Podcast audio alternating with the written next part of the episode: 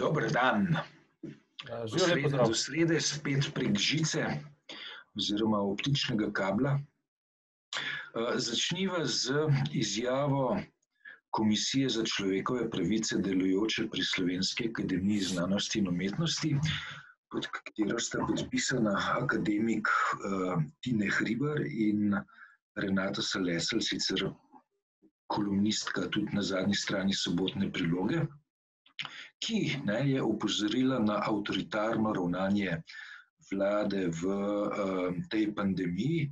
Gre za um, izjavo um, komisije, ki deluje znotraj SAZU-ja, uh, ki pa je, po moji oceni, um, ena zelo, zelo redkih, če ne uh, uh, praktično povsem izjemnih izjav ki prihajajo iz vrst akademikov, ki upozarjajo na uh, stran poti, stran poti politične oblasti.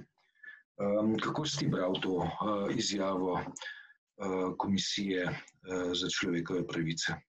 Ja, jaz sem jo bral z več kot samo svojo lastno naklonjenostjo, ampak z nekim priznanjem, pripoznavo, da je tokrat SAZU um, ne mara prvič sploh, odkar se, vem, jaz tega zavedam ali kakorkoli že, izdal nekaj, kar je vredno imena tako znanosti kot umetnosti.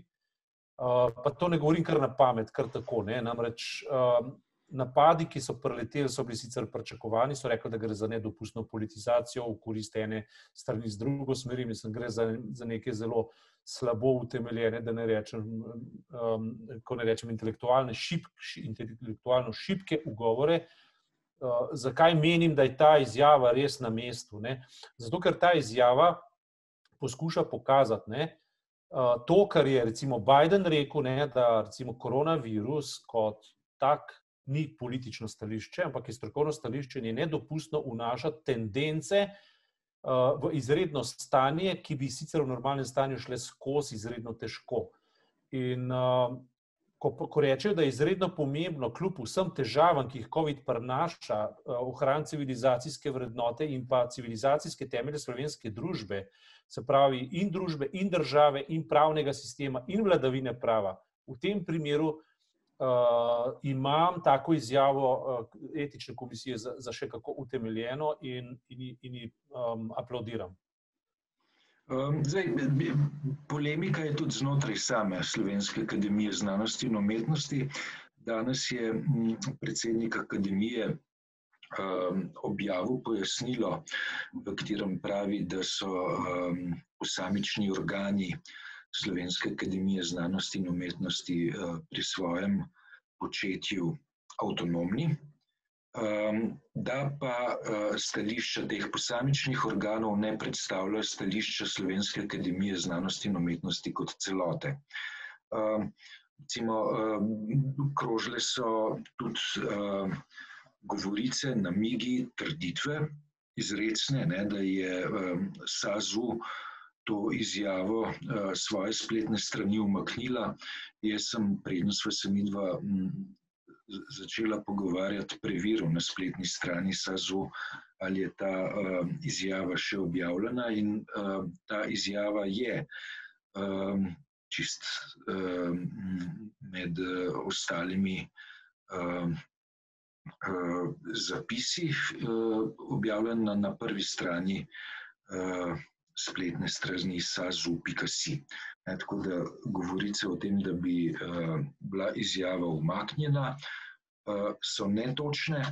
Uh, zdi se mi pa tudi, da je stališče akademika Petra Štiha, ne, kar za pozdrav, ne, v redu, ne, pač ne gre za izjavo sazu kot celote. To razumemo. Hkrati pa predsednik akademije priznava neko stopnjo avtonomije posamičnemu, uh, posamičnemu organu oziroma komisiji, komisiji uh, ki deluje v okviru SAZU uh, uh, oziroma Slovenske akademije znanosti in umetnosti. Jaz, treba se zavedati, kakšna je pač narava SAZU-ja. SAZU je izredno konzervativna ustanova uh, in je vedno bila saj v veliki večini, če ne vedno, podložna oblasti. Zakaj? Zato, ker ima od oblasti pač koristi. Ne? In v delu, ki pokriva pač suho znanost ali pa neko tako znanost v ožjem pomenu besede, ne, se najdejo potem pač mnenja, da se v politiko znanost ne vtika, da je to ločeno področje in vse tako naprej. Ne. In to se vedno, mislim, to vedno lahko utemeljuje o, o Eh, kemično čistih uh, razmerih znotraj umetnosti in znanosti, da je treba imeti bele rokavice na rokah in se ne umazati za dnevno produkcijo, z politiko in z umazanimi ideološkimi stvarmi. Treba je pa povedati drugo plat te iste medalje, namreč da je pač slovenska, mislim, slovenska, vsaka akademija znanosti in umetnosti in, in seveda tudi slovenska akademija znanosti in umetnosti je novoveški produkt. To je produkt uh, novega veka, se pravi, priseganje utemeljevanja racionalnosti, racionalizma, vloge razuma in v vlogi razuma, ne, da imajo tudi družboslovne vede in pa pač filozofske, filozofski pogledi na državo, kaj povedati. Ne. In v tem smislu se mi zdi, da je v smislu nekih praktičnih dimenzij vednosti, tudi znanosti, če hočeš, včasih neobhodno spregovoriti bistvene stvari. Ta izjava ni povedala nič drugega kot to, da se oklepa države kot umne države, da se oklepa države kot koncepta prava, vladavine prava in tako naprej. In je pač aktualni oblasti dala vedeti, da naj ne razgrajuje teh, element, teh eh, temeljnih, bazičnih eh, vrlin moderne države in modernosti, zaradi, zaradi katerih je SAZU sploh nastala taka, kot je. Notranje politične razmerja, Sazuja so pa pri nas pač taka, ne, da je v Sazuju izredno veliko prikrite politike, naklonjene zdajšnji obladki, ki se pa dela apolitično in napada vse drugo kot politično. Ne. Ampak to je sestavljen del širše slovenske realnosti, ker vladajo na popolnoma enake stvari. Da tisti, ki so najbolj ideološki, najbolj, pokliti, najbolj politični, stalno napadajo svoje nasprotje kot politično, čeprav to ni in čeprav so oni sami mnogo bolj. To je, to je slovenska realnost.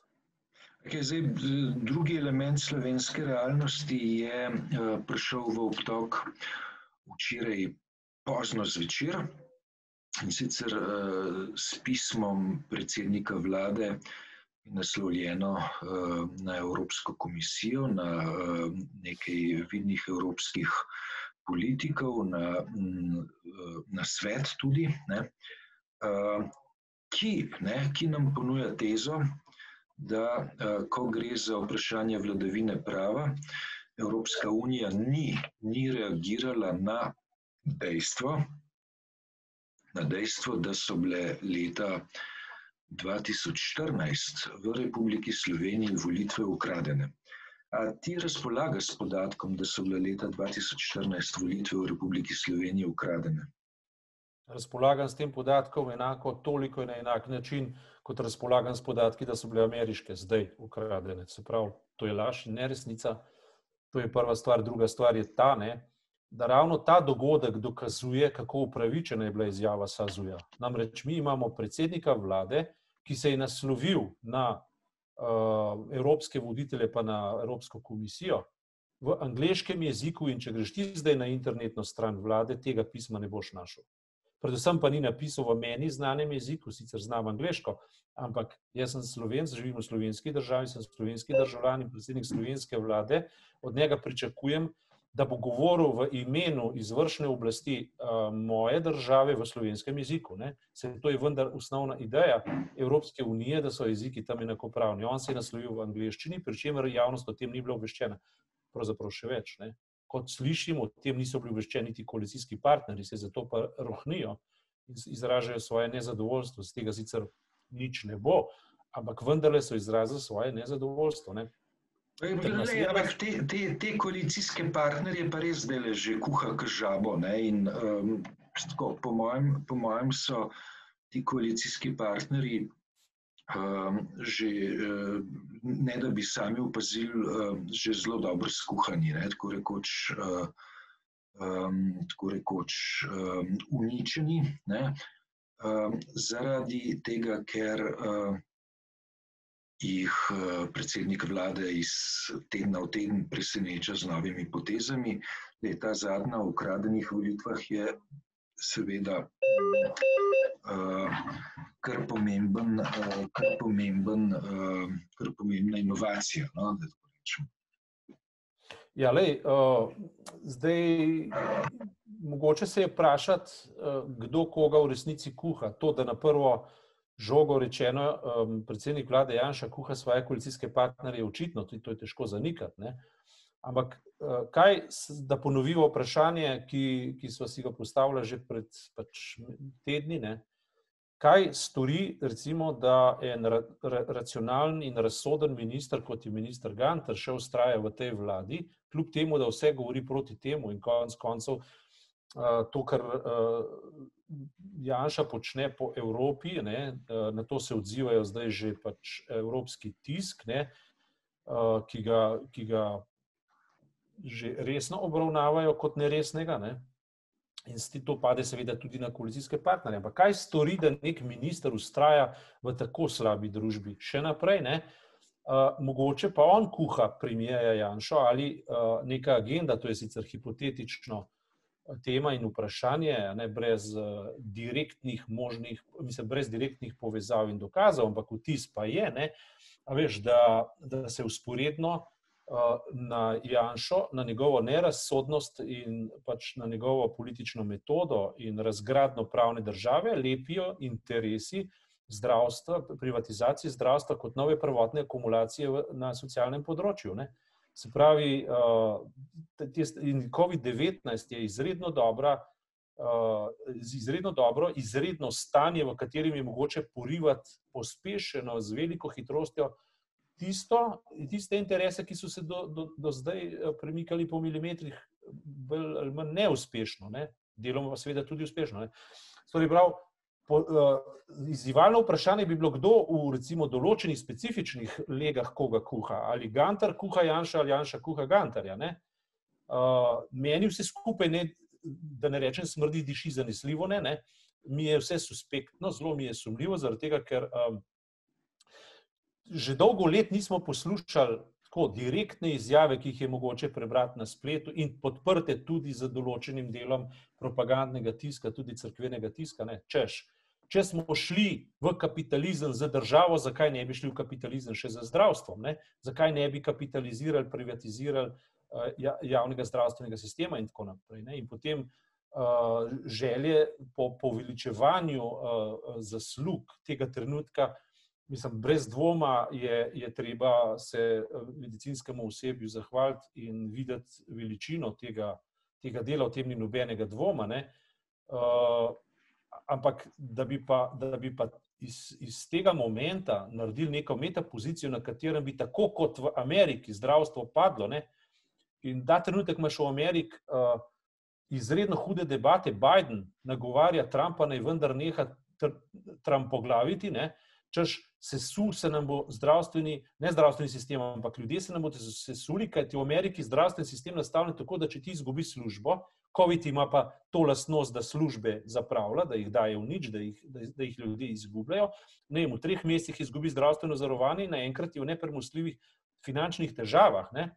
In to so posledice uh, neke, neke uh, uh, se pravi, situacije, kakršna je ameriška, in vendar, in vendar v Ameriki ta trenutek diskutirajo to, kako bi nazaj vzpostavili nekaj, kar diši po evropskem obravnavanju COVID-a, Medtem ko se v Sloveniji začenjamo prikrito pogovarjati o tem, da je ena največjih tem uh, Slovenije zdaj volitev v zdravniško zbornico, ali bo prišla gospa Bejovič, ki je že vnaprej povedala, kakšne aspiracije do vseh teh vprašanj ima, in da se bomo zdaj pogovarjali o tem, da vzpostavimo neko novo privatizacijsko noto, neko privatizacijski moment, novo prvotno akumulacijo, v katerem bo vzpostavili neko novo elito, ki bo pomagala tej eliti, ki že striže ovce, še dodatno striže ovce za pokritjem strahu pred zdravjem. Ne? Skratka, silno nevarni trendi, če me eno vprašaš, zelo simptomatični trendi, o katerih se je treba pogovarjati. In to, kar je Janša naredil zdaj v Bruslu, ni nič drugega kot uh, klin v, se pravi, dodatek k relativizaciji celotnega družbenega sistema, v Sloveniji, k kateremu spada seveda vladavina prava, javni prostor, to se pravi, se pravi ne degradacija, ampak demontaža javnega prostora v tem smislu in v končni fazi rdeča nit Janševega, obravna, Janševega pisma je relativizacija eh, sodstva, eh, vladavine prava in, in, in ločenih vaj oblasti. In to je nenormalno in neverjetno zavržno. Mene je sram, mene je sram kot slovenskega državljana, da se, da se uh, pred javnostjo figuriram kot uh, evropejec problematičnega porekla, kar do zdaj ni bilo. Ne, bili so časi, ko so bili nekateri ponosni na to, da so Slovenci, ali pa lahko ponosni, ali pa smo bili lahko ponosni na to, da smo Slovenci v evropskem kontekstu, danes nas je pa lahko sram. Skratka, jaz, mislim, jaz upam, ne, da bodo uh, politični odločevalci oddelali svoj posel in temu premijeju, podobno kot uh, Donaldu Trumpu v Ameriki, izrekli ene sorte nezaupnico, kajti on govori v našem imenu, ne da bi imel mandat, da govori v našem imenu, in še posebej pa v tem mandatu si je vzel govoriti neumnosti in nekaj, kar, si, kar je neustavno, to je protiustavno. Vladavina prava v Sloveniji in v slovenskem kontekstu ni neustavna, ampak je ustavna kategorija. Tuji, tuji opazovalci so slovensko vladavino prava prepoznali kot zadovoljivo, ne popolno, vendar kot delujočo in zadovoljivo. Kako lahko on oporeka nečemu, kar so tuji opazovalci skozi desetletja, mislim, da tri desetletja, vsako leto ocenjevali kot uh, uh, se pravi, neogrožujoče demokratičnega sistema. To je to za danes. Naslednji teden pa spet nadaljujemo. Hvala lepa. Živijo.